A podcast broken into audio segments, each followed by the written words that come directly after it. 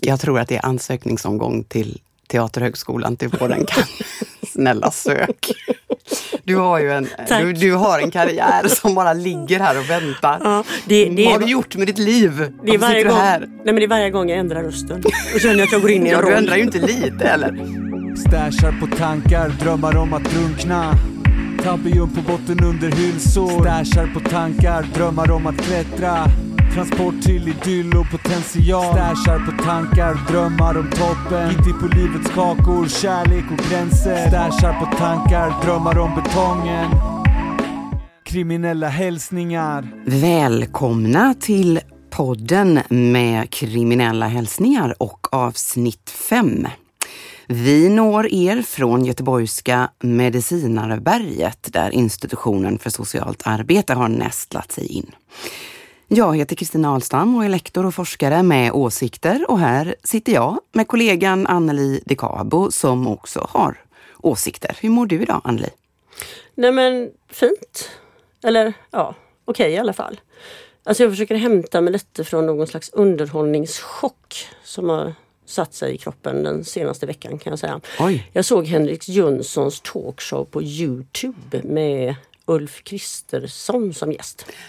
Ah, du menar, ehm, nu ska vi se, du menar Henrik Jönsson och nu, ehm, nu citerar jag Wikipedia, citat, svensk entreprenör, borgerlig samhällsdebattör och libertarian, slut citat. Detta är ju också mannen bakom kioskvältaren Frihetligt självförsvar, fälthandbok för individualister samt inte minst den närmast episka Bli fri, sju principer för oberoende. Nu tänker jag att det sista du sa där, det låter lite som Snövit och de sju dvärgarna. Men det kanske är en sagoberättare vi har på här, eller? Det kan vara, det kan vara. Det kan vara en ny Astrid som vi ser födas eh, här. Men du måste ju berätta nu, vad är det du har, vad är det du har sett? Alltså, det är lite svårt att återge i korthet utan stödförklaringar. Men jag gör ett försök. Alltså, eh, jag såg Henrik Jönsson hålla en talkshow.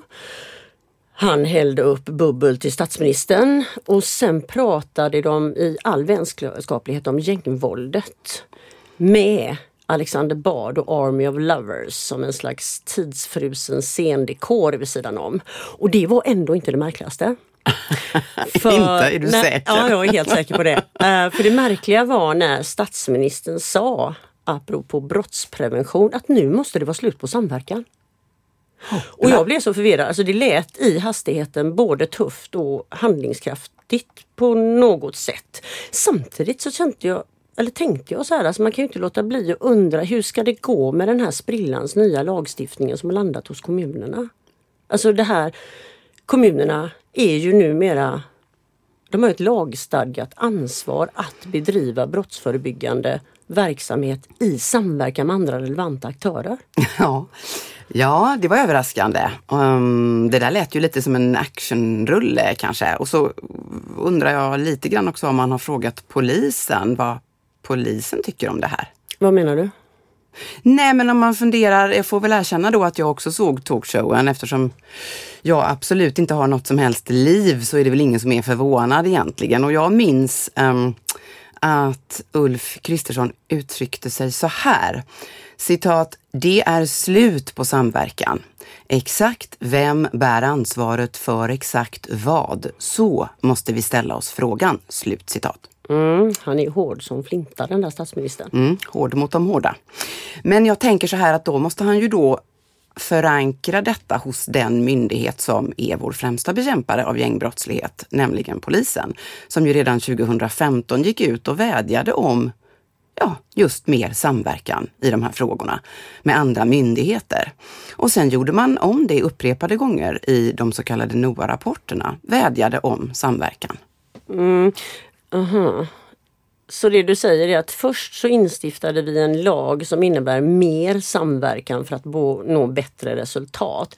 Och sen två och en halv sekund senare så går statsministern ut i en kanal med ganska stort publikt genomslag efter vad jag förstår och säger att lagen inte gäller.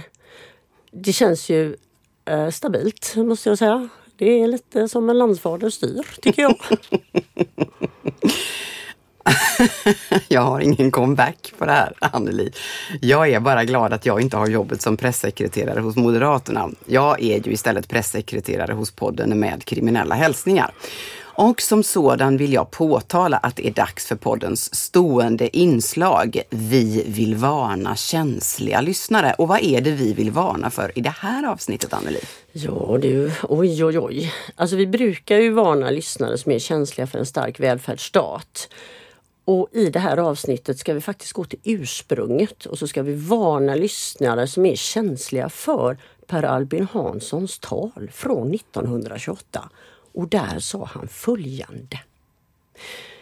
Nu kommer jag få en annan röst när jag läser ja, det. Okay, jag, jag hör att du redan har fått det, Anneli. Här kommer det. Mm. Det goda hemmet känner icke till några privilegierade eller tillbakasatta. Inga kelgrisar och inga stövbarn. Där försöker ingen skaffa sig fördel på andras bekostnad. Den starke trycker icke ner och plundrar den svage. I det goda hemmet råder likhet, omtanke, samarbete och hjälpsamhet. Tillämpat på det stora folk och medborgarhemmet skulle detta betyda nedbrytande av alla sociala och ekonomiska skrankor som nu skiljer medborgarna i privilegierade och tillbakasatta, i härskande och beroende, plundrare och plundrade. Det var ord och inga visor. Försöker du få mig att brista i gråt eller? Mitt under eh, dyrbar sändningstid. Men du, Anneli, är det några särskilda vi tänker på här? Ja, det är ju faktiskt det. I det här avsnittet så tänker vi på kvinnor. Ah. För det gjorde inte Per Albin Hansson trots att han använde just hemmet som analogi för hur han tyckte att samhället skulle utformas kan man säga. Och omsorgen om hemmet och alla i hemmet, det har ju varit kvinnors uppgift att lösa kan man säga. Alltså det var, har varit kvinnan som den goda moden som skurar rent arbetarklassmutsen i hörnen, som putsar kinderna på ungarna så de glänser och galgar upp mannen så han får lite ryggrad. Och nu ska vi prata om kvinnor som inte gör detta på rätt sätt. Det vill säga de bryter mot en förväntad femininitet. Och det är ju då Alltså som jag tänker på, det är ju kvinnor som är involverade i kriminalitet och det är ju en grupp som vi vanligtvis inte pratar så mycket om. Men det verkar som det håller på att ändra sig. Det är sant. Eh, det är ju också så att andelen åtalade och frihetsberövade kvinnor har ökat det senaste decenniet. Och kvinnors involvering i gängbrottslighet och framförallt sätten som det sker på har uppmärksammats mer av polisen. Eh, Göteborgs-Posten gjorde ju en reportageserie 2021 med eh, rubriker som Hela samhället har missat tjejerna i gängen. Polisen ser fler brottsaktiva kvinnor i kriminella gäng och kvinnofängelset. Fler unga sitter av straff för grövre brott. Mm. Det är intressant att du säger det för jag kommer att tänka på, på liknande rubriker, alltså på samma tema men som lyfter upp problemet med en lite annorlunda twist. Till exempel så minns jag våld, droger och rån. Ändå går tjejerna under radarn. Och Rosa lagbok för gängtjejer väcker känslor. Du, aha, rosa lagbok? Mm, det är lite intressant. Efter vad jag förstår så innebär det i princip att rättsväsendet de facto har svårare att upptäcka kvinnors brottslighet på grund av kön. Alltså just på grund av att de är kvinnor. Och om brotten upptäcks så döms de mildare, sägs det. Mm -hmm. Okej, okay, så samtidigt som, som kvinnors brottslighet var headlines hos alla mediehus med självaktning så fanns det alltså ett annat spår då som sa att trots allvarlig brottslighet så går kvinnor under radarn. Mm, det är lite motsägelsefullt. Ja, ja, men vem är förvånad att kvinnor framställs på det sättet? Men okej, okay. hur som helst, det sammanfattar ju ganska bra innehållet i det här avsnittet, eller hur? För vi ska ju prata om kvinnors brottslighet, men också om kvinnor i rättssystemet. Alltså kvinnor i häkte och i fängelse. Och med oss för att göra det har vi lyckligtvis två, hela två eminenta gäster med färska kunskaper utifrån olika perspektiv. Men innan vi släpper på våra gäster, vad, vad vet vi om kvinnor och deras brott och, och livet i fängelse och så? Mm, jag är glad att du frågar. Jag kan nämligen citera en aktuell rapport här. Det Som... ante mig. Du kan alltid citera en aktuell rapport, Jag Anneli. älskar att citera aktuella rapporter. Det är mitt bästa. Ja, jag sitter tyst här och Ja. bara njuter. Bara håll i dig. Jag citerar. När fången inkommer tas hennes dom och pass ifrån henne. Hon vistas på det här stället för att arbeta och förbättras, ja, för att återföras till känsla för dygd, kristendom och mänsklighet. Hon förbjuder strängt att omtala sitt brott för någon. På så vis slipper man höra någon plumpt utropa Här bor horkonor, här bor barnamörderskor, här är tjuvkontor och liknande, då detta är omänskligt. Anneli, kan inte jag bara få be dig? Jag tror att det är ansökningsomgång till Teaterhögskolan till våren. Kan, snälla sök. Du har ju en, du, du har en karriär som bara ligger här och väntar. Ja, det- det Vad har du gjort med ditt liv? Det är, varje du gång, här? nej men det är varje gång jag ändrar rösten och känner att jag går in i en Ja, du roll. ändrar ju inte lite heller. Okej, men är detta någon typ av skämt? Horkonor, och barnamörderskor, tjuvkontor? Ja, är det här en aktuell rapport? Alltså, ehm, jag skojar lite grann eh, men, men, men samtidigt inte. Eh, för det är en lite tillbakablick i historien. Eh, det var ju ingen aktuell rapport såklart men det var faktiskt däremot en redogörelse som är daterad 1798. Och den handlade om spinnhuset i Norrköping som var ett kvinnligt straff och arbetsfängelse. Och den återfinns i Björn Horgbys bok om Norrköpings kvinnofängelse. Okej.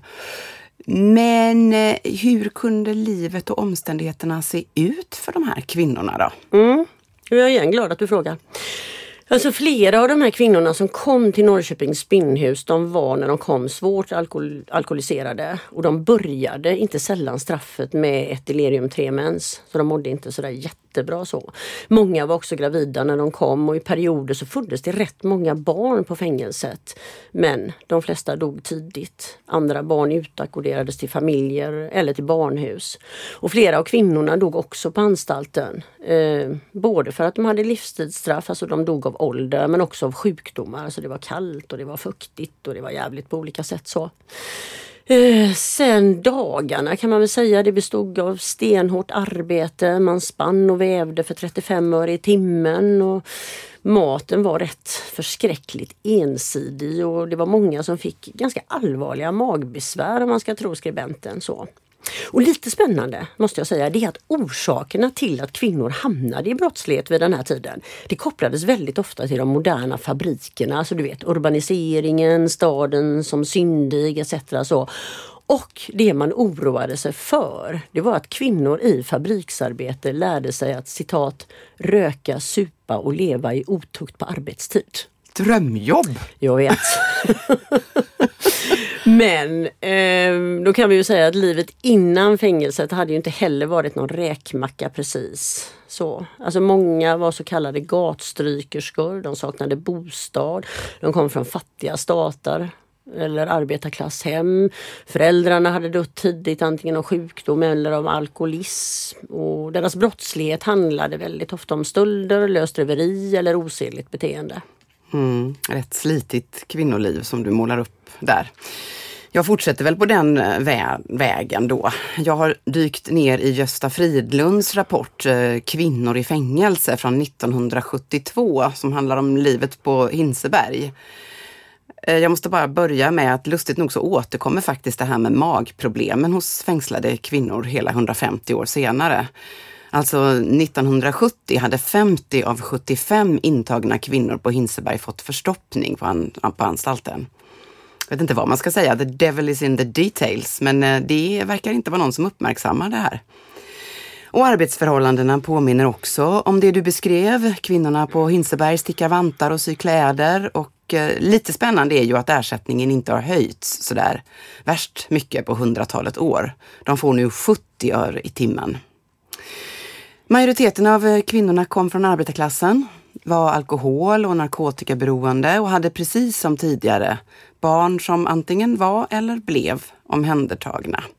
Och det vanligaste brottet nu det är narkotikabrott. Mm, där ser man. Om man fortsätter lite framåt i tiden så har vi också Odd Lindbergs rapport från 2005 tror jag. Också den handlar om kvinnor på Hinseberg och den är väldigt bra faktiskt. Vi ska inte säga så mycket om den tänker jag. Men jag skulle ändå vilja säga att det intressanta med den för oss här idag det är att Lindberg avslutar med en skarp uppmaning till framtiden. Det är väl Anna där vi är då? Det är där vi är. och han säger så här att det behövs fler studier som belyser kvinnors omständigheter och villkor när det gäller kriminalitet och livet i anstalt. Men hur har det gått med det Kristina? Jag vet du vad att det beror på vem du frågar. Ja fast nu frågar jag ju dig. Nu frågar du mig och det har dessvärre inte gått så bra med det.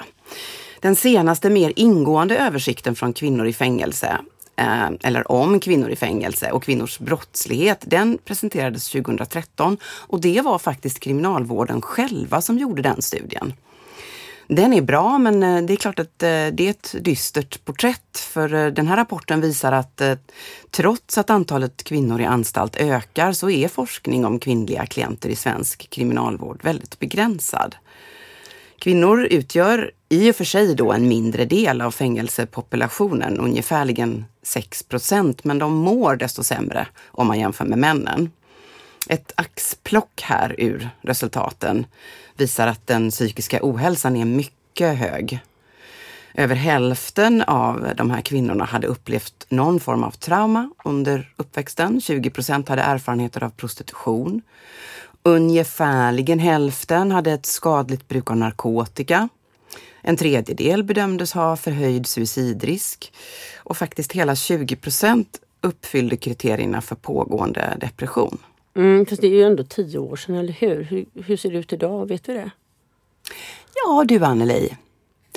Nu skulle jag vilja fråga dig om inte både du och jag känner två stycken forskare som ihärdigt har sökt pengar på att få forska just precis på den frågan. Det vill säga på hur kvinnor i anstalt upplever tiden på anstalt och hur behandlande personal förstår sina klienter. Mm, när du säger det mm -hmm. ringer någon liten klocka. Ja, kanske. Vad heter de där två snabbfotade forskarna som så kvickt och begåvat snabbt begrep att här fanns ett kunskapsunderskott som måste fyllas? Vet du vad de hette, Anneli? De hette Anneli de Cabo och Kristina Alstam. Men vad säger du? Fick vi några pengar då? Nej, inte en spänn fick vi. Bojkott av två forskare som är kvinnor och vill forska på kriminella som är kvinnor. Det är både, det är både dubbeldiskriminering, det är kvinnohat. Ja, om du nu tar och torkar hakan lite från flagga Kristina kanske? Ja, Okej, okay. det kan inte se klädsamt ut. Jag ska, jag ska försöka hämta mig från skymfen och så ska jag fortsätta. För det har nämligen inte gjorts någon uppföljning av den här studien. Vi har en kollega på institutionen, Linnea Österman, som är kriminolog. Hon forskar på kvinnors väg ut ur brottslighet och enligt Linnea så ska det göras en uppföljning ganska snart. Och du och jag, vi hoppas ju få återkomma i ärendet och till Linnea. Men nog om det, för nu är det väl ändå dags för det här avsnittets eh, höjdpunkt ändå, va? Våra gäster. Yes. Och för att tala om kvinnors brottslighet idag så gästas vi av Anna Ekberg och Annika Karlsson Dahlgren. Och ni ska få presentera er själva. Om vi börjar med dig Anna. Så, du har ju arbetat som verksamhetsutvecklare hos polisen och du har också belyst kvinnors involvering i gängkriminalitet och så är du doktorand. Om du lite kort får utveckla detta själv. Vem är du och vad gör du? Tack så jättemycket för att jag får vara här. Anna Ekström heter jag. Ehm, jag är som du säger verksamhetsutvecklare vid NOA, nationella operativa avdelningen på Polismyndigheten, del av min tid. Sen doktorerar jag också eh, inom ämnet otillåten påverkan i socialt arbete. Ehm, och jag ser att det finns ganska många olika länkar mellan de här frågorna såklart vad det gäller både den polisiära frågan och den utsatthet som många inom socialt arbete eh, utstår på olika vis. Så det är jag i korthet. Ja, tack. Och hjärtligt välkommen också till dig Annika Karlsson Bergdahl som är med oss idag på länk ska vi säga. Du är kulturproducent och dokumentärfilmare och du har djupintervjuat kvinnor som sitter i fängelse. Kan inte du också lite kort berätta vem du är och vad du gör? Mm, absolut. Tusen tack för att jag får vara med, säger jag också. Eh, och sen så vill jag bara rätta där. Dokumentärfilmare, jag har bara gjort en film tillsammans med andra. Eh, jag kallar mig dokumentärförfattare. Mm. Mm, Precis Eh. lika intressant ju. om man nu ska rätta lite grann. Men jag, jag tycker att jag har väldigt svårt att eh, definiera mig. Jag är socionom, Mm. också i botten. Eh, gjorde min första praktik på just inom kriminalvården, inom frivården. Men sen så utbildade jag mig till journalist. Och så jobbar jag som det i en massa år. Sen råkar jag halka in på ett kulturspår. Eh, så att jag, när jag kallar mig ku- kulturproducent är för att jag initierar olika projekt alltid då med dokumentära berättelser i botten. Alltså, och det handlar om röster som jag inte tycker hörs. Eh, alltså jag har gjort, grävt i tonårskillars inre eh, och unga tjejer och äldre och eh, både män och kvinnor på olika sätt. Och jag har gjort en stor utställning och bok som heter Vi som arbetar med våra kroppar när jag tyckte att eh, arbets, eh, kroppsarbetare inte synliggörs tillräckligt i media och så.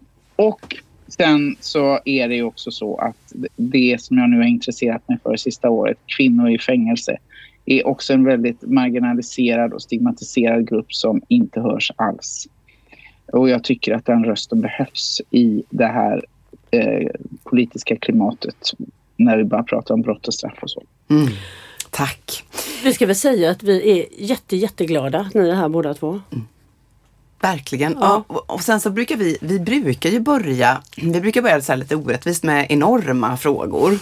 eh, som skulle ta ungefär en veckas seminarier att besvara. Och vi litar ju förstås iskallt eh, på er här. Men om man bara börjar och tecknar en bred bild.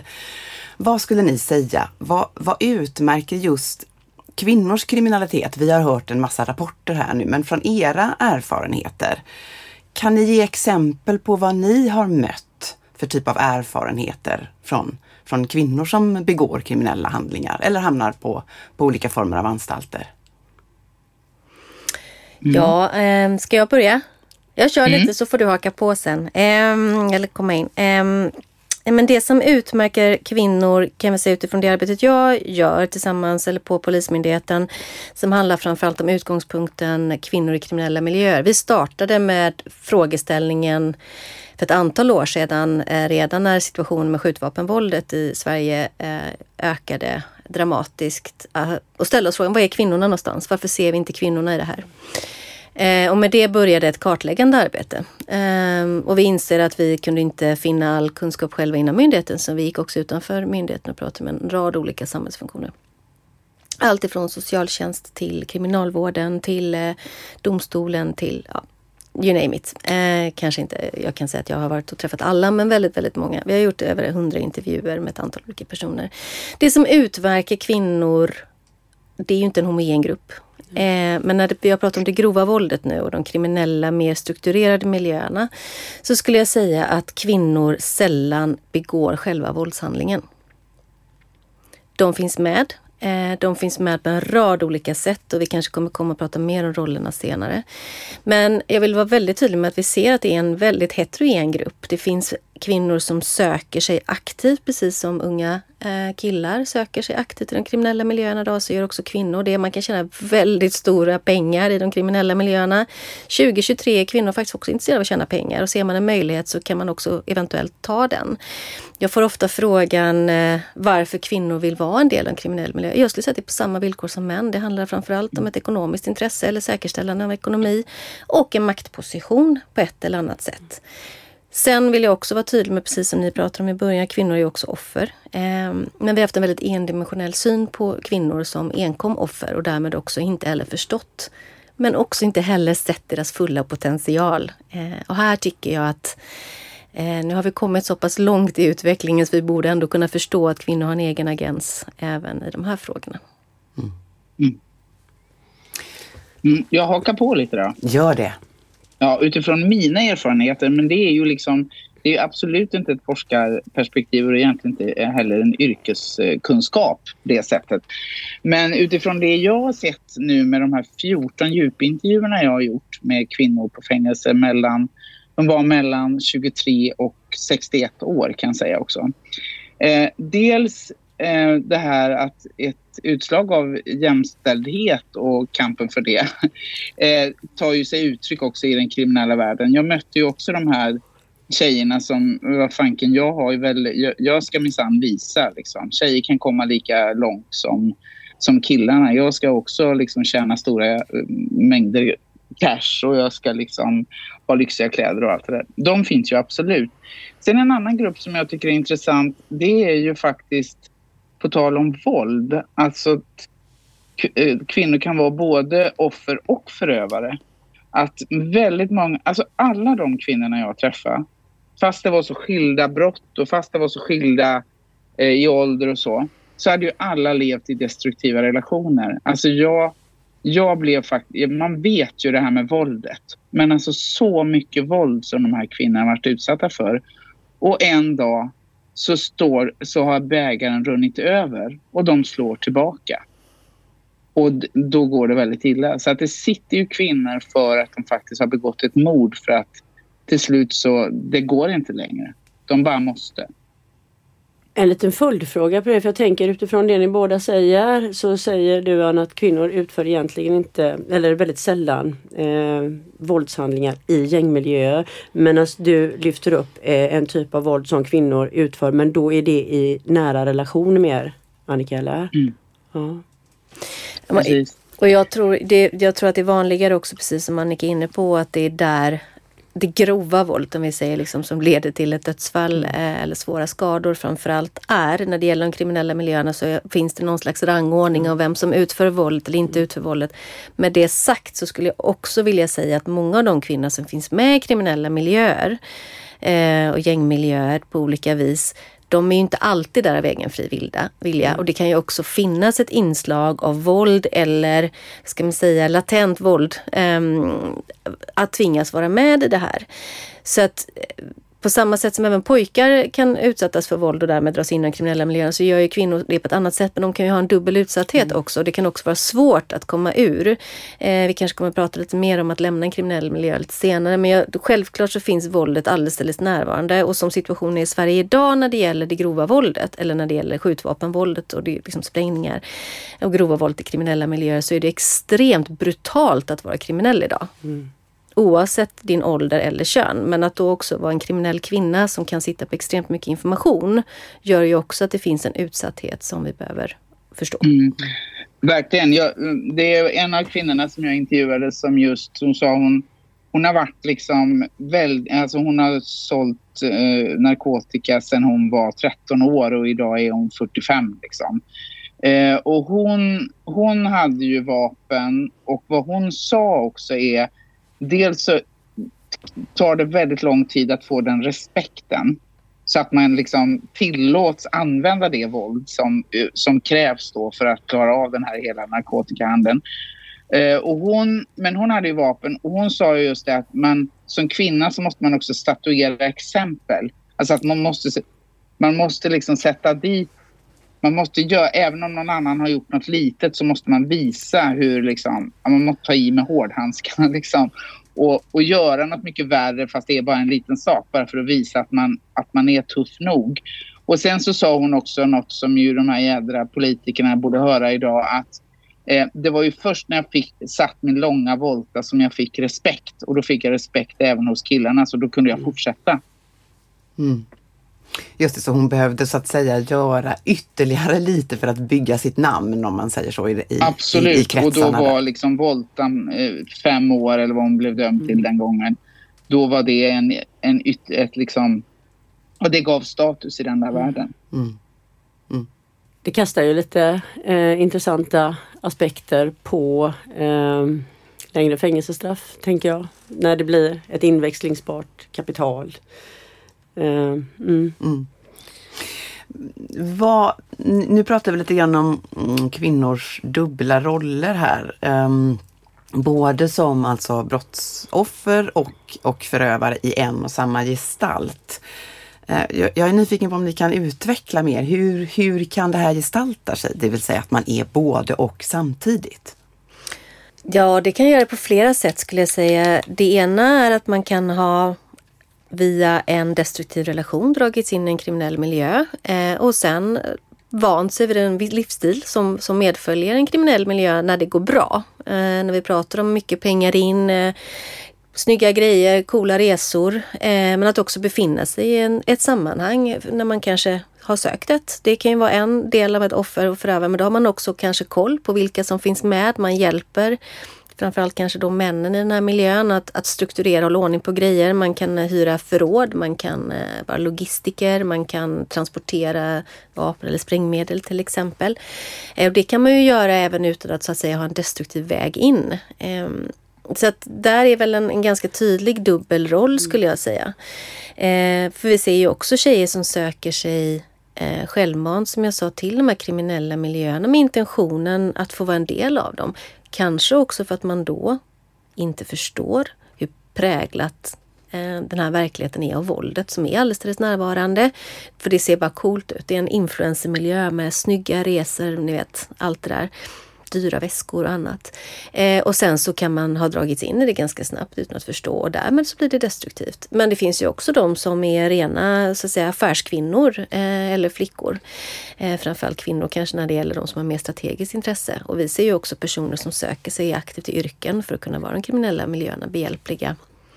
Givetvis kan de också vara intvingade i det men vi ser också exempel på kvinnor som gör det av helt, mm. Eh, med, med, en, med en egen agent så att säga. Mm. Vad kan det vara för typ av yrken som man söker sig till då? Ja men vi har fått eh, vi har information och kunskap om allt ifrån att kvinnor, flickor, tjejer söker sig till juristutbildningen eh, för att vara de kriminella miljöerna behjälpliga längre fram och då är man ju ganska dedikerad skulle jag säga. Det är en tuff utbildning, en lång utbildning med en stor liksom eh, eh, glödlampa på för att extra kolla alla sen också. Sen så ser vi de mer kanske kortare eh, perspektiven, men söker sig till häktet men även till polisutbildningen eller till civila anställning inom polisutbildningen till exempel. Tullen är en annan sådan del. Eh, eller andra rättsvårdande verksamheter. Det är också typer av eh, jobb som är, där man kan liksom vara de kriminella miljöerna behjälpliga. Jag tänker nu, det här är ju en, en, en, en podd från institutionen för socialt arbete. Eh, och jag tänker på, apropå det som vi helt kort nämnde bara kring den rosa lagboken eller uppfattningen att det finns en rosa lagbok. Um, som både är att kvinnor eventuellt döms mildare men också att vi har lite svårare att hitta dem. Och så tänker jag att det där har vi pratat om nu i några år och vi brukar prata om det i termer av att polisen har svårare att hitta dem. De går under radarn, de kan passera utan att till exempel bli visiterade eller dra uppmärksamhet till sig. Men om man tänker utifrån socialt arbetes perspektiv, vad skulle man behöva veta som socialarbetare om man vill jobba brottspreventivt och rikta sig just mot tjejer? Få fatt på tjejerna, få syn på tjejerna. Vad behöver man veta som socialarbetare?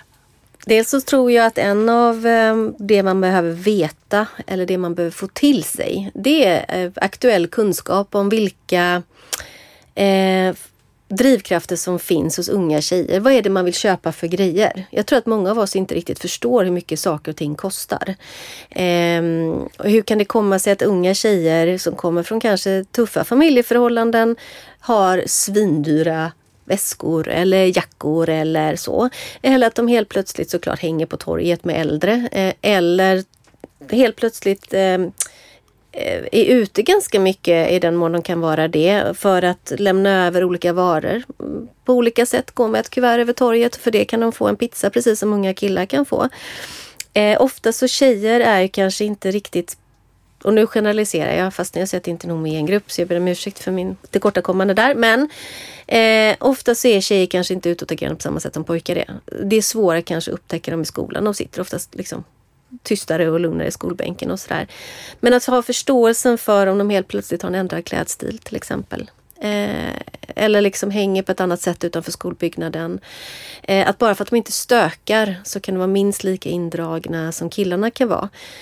När det kommer till den rosa lagboken som är nästan kapitel för sig skulle jag säga där polisen eh, framförallt, eller polisen gör en, en, ett enormt jobb i det eh, och har gjort under ett antal år nu och den är helt klart eh, reell.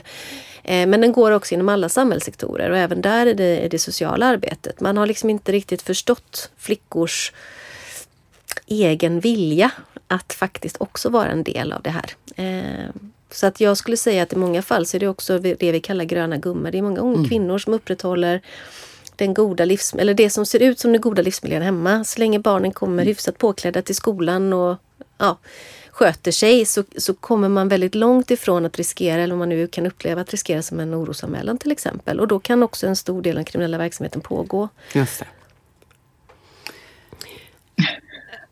Jag, tänk, jag, tänker att um, um, Jag tänker så här utifrån det som Anna berättar och Kristina frågar så har ju du Annika träffat kvinnor eh, som är liksom de, de, är mer i slutet av, av en linje så att säga.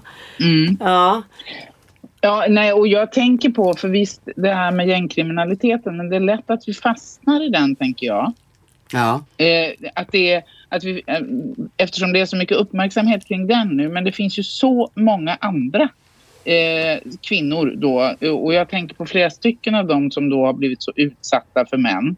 Mm. Eh, och att eh, det är och kvinnor som har le- alltså de måste vi också lära oss att hitta och det är ju eh, alltså kvinnor håller ju masken mycket, mycket längre och de liksom, de sminkar sig, de uppträder, de de vet vad normen, normen går för att hur, hur man ska bete sig som en kvinna. Och därför är det så, en av mina kvinnor som hon ringde faktiskt, första gången hon ringde och hörde sig för lite om på, till, till de sociala myndigheterna för att hennes man misshandlade henne. Så fick hon till svar, nej men lite bråk kan man stå ut med. Du, jag tycker du ska gå hem igen och försöka hålla ihop din familj. Och att man för att det är så små, alltså man skäms ju så fruktansvärt. Alltså det är ju sån skam. Det är väldigt mycket skam hos kvinnor i den här kriminella världen tycker jag på, på många, många sätt. Och, så att det, det, är så små medel som man måste liksom hålla koll på känner jag för att upptäcka de här kvinnorna som far illa. De gängkriminella sen, och det, hörde, det är ju verkligen så Eh, som, och som Anna säger där och, och, väldigt många går under radarn för att de är, de är också duktiga på att hålla att vara sociala liksom och bete sig. För det var som en av tjejerna som skulle bli just den här knarkdrottningen. Hon, hon sa att ja, men jag kunde inte stå med tio substanser i handväskan och, det var, och polisen fråga, kom fram och frågade hur är det? Ja men det är bra säger hon och så gick de vidare. Men jag tycker också att det, det krävs otroligt mycket kunskap med de som faktiskt blir så utsatta av en, en man. Att där, det känns som att, ja men hallå, det är väldigt långt kvar innan de upptäcks. Mm. Jag håller helt med dig. Jag skulle säga när det gäller, när det gäller utsattheten för våld eh, så är den så extremt, kan vara extremt stor även i gängmiljöer. Det är fortfarande individer mm. vi pratar om. Så när ni frågar just socialt arbete vad man ska vara uppmärksam på så skulle jag säga att det hör också ihop med den här eh, den bristen som idag finns på möjlighet för en kvinna att lämna en kriminell miljö. Och den hör ihop med att man inte ser henne som en självständig aktör inom den kriminella miljön också. Men det är ofta så att en kvinna eh, som kanske då eh, vill lämna en kriminell miljö i första hand kommer i kontakt med socialtjänsten eller sjukvården på grund av våld. Våldet är väldigt ofta närvarande i partnervåldet eh, även i de kriminella miljöerna. Och vi, alltså på Polismyndigheten så jobbar vi jättehårt med detta. Både att såklart att arbeta väldigt aktivt mot eh, våld i nära relation överhuvudtaget men att också bli bättre på att ställa de här följdfrågorna och att förstå kontexten. För det kan ju en kvinna som kommer med den utsattheten har ju ett enormt stort skyddsbehov och oftast även barnen naturligtvis om det finns sådana i, i hushållet. Men om man inte också förstår att hon är del av en kriminell miljö så kan man inte heller förstå att det kanske inte bara, och nu menar jag inte bara som någonting nedsättande, men att det inte bara det är den direkte mannen som hon är utsatt för, utan det kan ju finnas ett nätverk kring den här kvinnan som också vet vad hon vet om de kriminella aktiviteterna så att det kan vara en ytterligare utsatthet. Mm. Så här behöver vi liksom tänka bredare, eh, både vad det gäller avhopparverksamheten och det stöd en kvinna kan behöva för att lämna en kriminell miljö och hur eh, samhället behöver rigga för det. Eh, risken för, för våld och dubbel utsatthet. Då. Jag tänker lite grann på det också, för nu nämner du eh, avhopparverksamheter. Um, och de är väl uh, inte alldeles uh, optimalt designade för kvinnor eller vi har liksom inte planerat i första hand för att ta emot kvinnor. Och det pratar ju många anställda inom avhopparverksamheter om. Att vi är inte beredda på den här gruppen. Det är inte, det är inte så att vi inte ser att det finns ett behov. Men eh, för det första är behovet hos männen så otroligt stort och de ställer till en sån enorm materiell och ekonomisk eh, och social skada. Så de prioriterar sig själva på sätt och vis. Um, jag tycker också att det låter som, jag tycker det är en intressant utsaga det här att män tenderar att prioritera sig själva.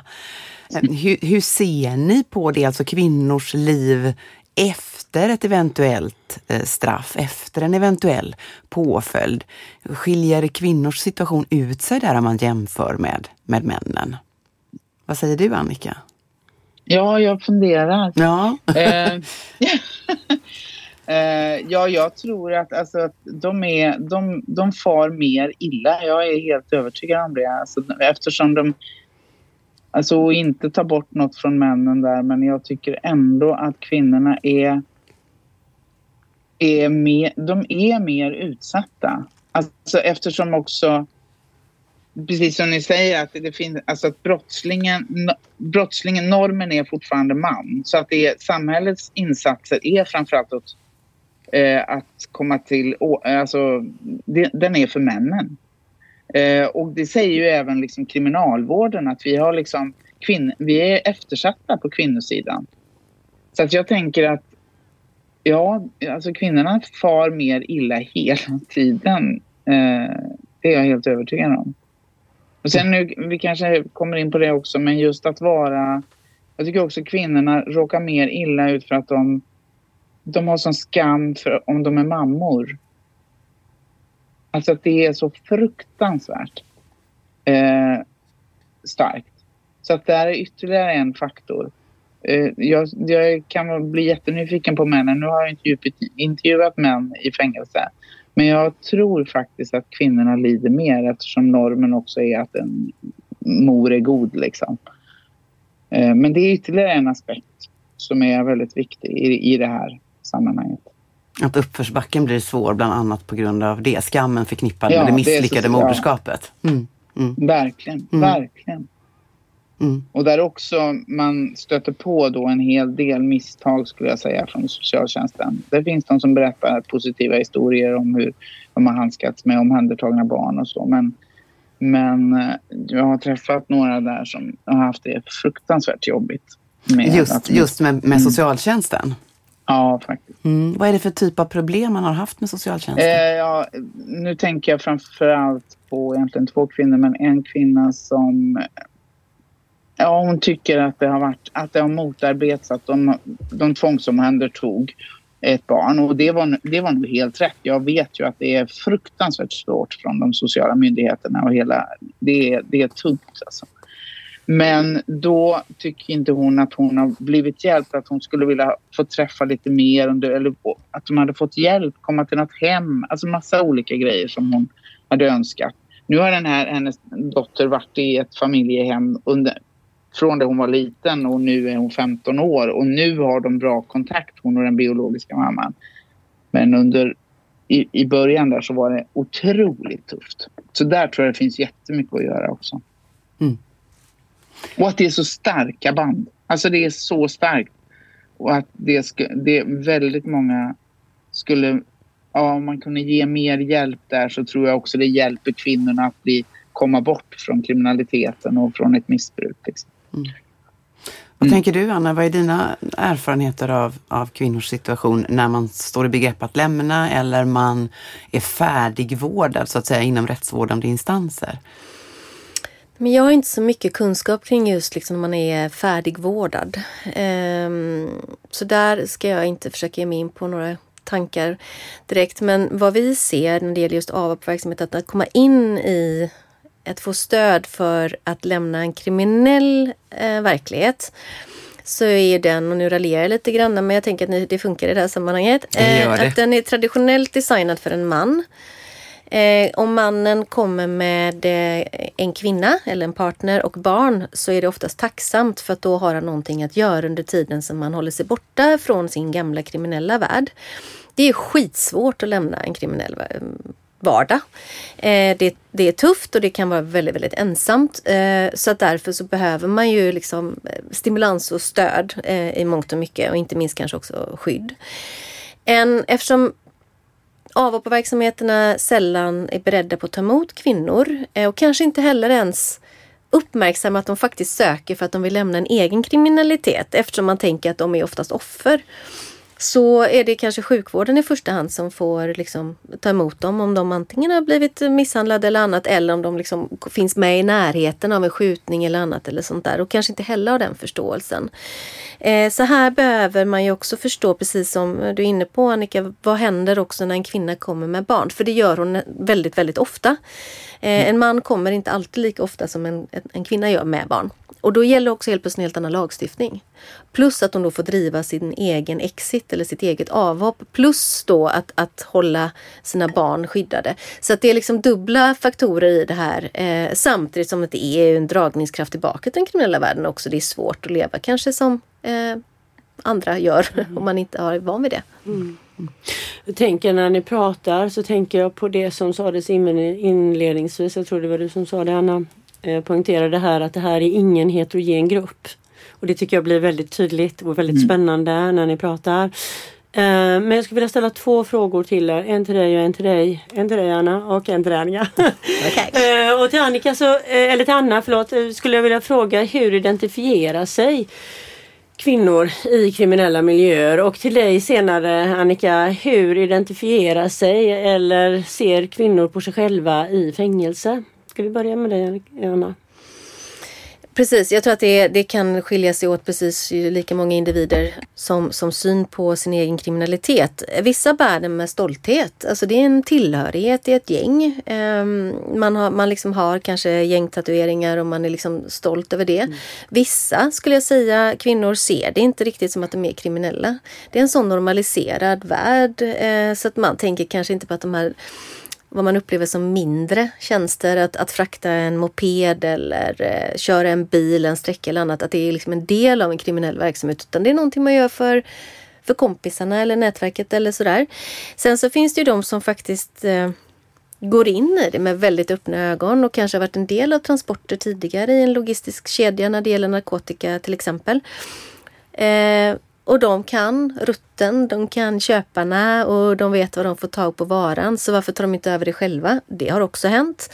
Så att vi ser liksom en, en, en multitud av hur kvinnor ser på sin egen kriminalitet. Jag skulle absolut säga att flera kvinnor också ser sig som offer. Eh, såklart. Eh, men det finns också kvinnor som absolut inte vill se sig som offer. Som, precis som ditt eh, exempel du sa tidigare Annika. Man buffar upp sig och är stolt över det man har åstadkommit. Man kanske har byggt upp ett mindre imperium till exempel. Eller visat att man kan ratta en verksamhet när en, en, ehm, en manlig person eh, åker in ehm, till exempel. Och så tar man över och så löser man det. Så det finns ju en mängd olika och det finns ju också kvinnor som vill att barn barnen eh, går in i den kriminella banan. Eh, för det är ett sätt att tjäna bra med pengar. Man håller in i familjen. Det blir också en starkare trygghet i att ingen golar. Mm. Så att det finns ju flera olika du, du kommer bort med lite grann från frågan från början. Jag tycker du svarar hela tiden. Ah, okay, Faktiskt, du håller väldigt bra frågan. okay, bra. Men eh, vad, vad, säger du Annika kring, eh, kring eh, de kvinnorna som du har mött? Eh, mm. Som faktiskt har, eh, ja de gör sin verkställighet i fängelse helt enkelt. Hur ser de på sig själva? Mm. Eh, jo men jag håller med Anna för det är väldigt heterogent även när man sitter i fängelse. Och det var som en av kvinnorna sa att hon ville bli maffiafru redan som barn och har liksom levt den, den kriminella världen. Det är den hon kan. Hon har bestämt sig för att bryta men det är, det är fruktansvärt svårt att vem är jag då? Typ. Så kan man säga. Ehm, och en del säger man vet inte vem man är liksom när man sitter där i fängelset för att det är vem är man? Man har man har, det har också tagits bort så mycket av ens identitet så man, man söker efter en ny. Eh, och sen så, jag har ju då skrivit en bok som heter Jag är en människa utifrån de här intervjuerna och det var en av kvinnorna som när jag frågade henne vad, hur, ser, hur identifierar du dig? Jag är en människa. Och det är, det är ett väldigt bra svar tycker jag för att det är just det vi glömmer bort. Att vi måste se eh, de som sitter, är frihetsberövade som människor och inte som demoner. Men, men jag tror att, jag tänkte också på det här med offer och förövare för att en av kvinnorna då, hon sa att ja, men, jag vill inte se mig som offer men jag är ju ett. Och det, jag har blivit sviken av samhället från första början. Eh, och, hon, det var liksom jobbigt för henne att erkänna det. Men, och det tror jag också vi måste... Det måste vara okej att vara offer eh, också på något sätt. Och att det inte är ett nederlag utan det är faktiskt omständigheter som gör en till offer. Just det. Anna? Men jag skulle också vilja lägga till, där, nu kommer jag bort ifrån offerdelen utan kanske mer den liksom målinriktade eh, kvinnan eh, som vill, är en del av en kriminell miljö. Vi ser ju också eh, från Polismyndighetens sida i vissa fall att kvinnor är lika, vad ska man säga, hårdföra som männen är. Och de är väl medvetna om att använda sin, så att säga, sin feminitet eller sin kvinnlighet. De vet om att de eh, riskerar eh, mindre att bli eh, eh kroppsvisiterade till exempel. De vet om att polisen oftare går på killarna. De spelar oftast, eller inte oftast ska jag inte säga, men ofta så spelar de ett offer om vi använder det uttrycket fast det låter lite mm. hårt. Men genom att liksom spela på sin kvinnlighet, oj jag bara hamnade här. Och det är ganska ofta som polisen kanske då har tänkt, ja men du hamnade väl bara, nu kör vi hem dig till mamma och pappa. Som kanske inte alltid är det bästa stället heller. Eh, men också att kanske inte ställa följdfrågorna. Det skulle jag säga, det blir vi utifrån Polismyndighetens sida bättre på. Att försöka liksom följa upp och, och stämma av och säkerställa. Liksom vad, vad, och att identifiera kvinnor också. Finns en kvinna med på ett ställe så kan hon ju finnas med på ett annat ställe en annan gång. Och varför är hon då där? Vet vi inte om att vi inte, eller har vi inte identifierat henne så kan vi inte heller följa henne så att säga. Um, och jag tänker mig att det här är en viktig del också att identifiera sig som kriminell eller inte. Ser man sig som någon som faktiskt har en roll att fylla så kanske man inte identifierar sig som kriminell men man är i alla fall en del av någonting som man är väl medveten om.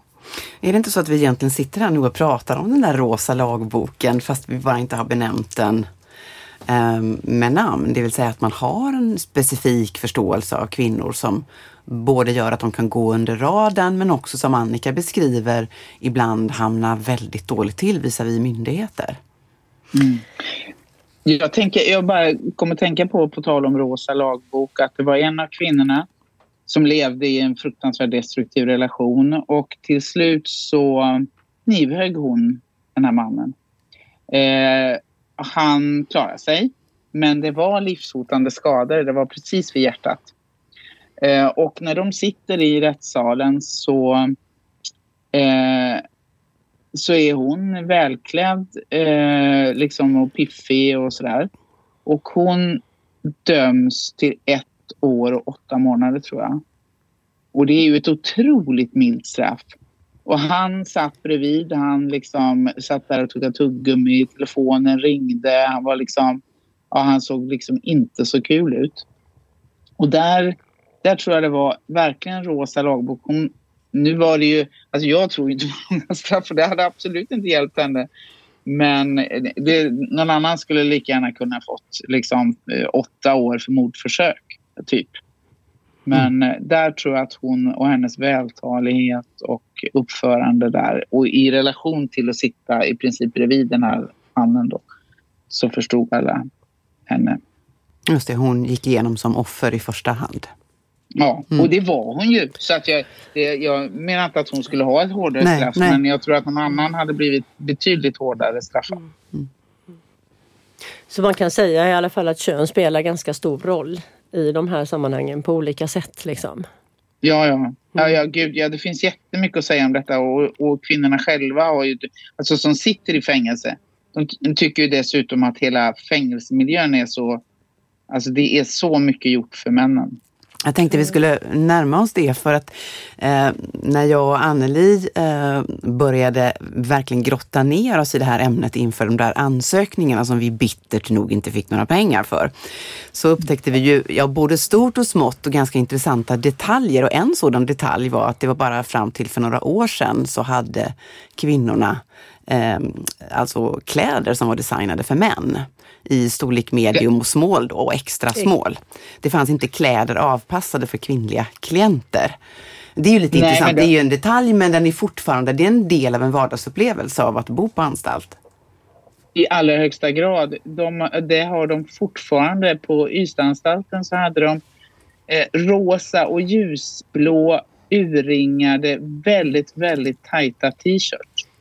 Eh, men nu, de kunde välja några andra som var lite mer liksom eh, unisex. Men det, det fanns sådana Alltså mm. fruktansvärda. Så att när man väl gör kläder för kvinnor då gör man ljusrosa, tajta ljusrosa små saker. Och ljusblå liksom, tajta Fascinerande.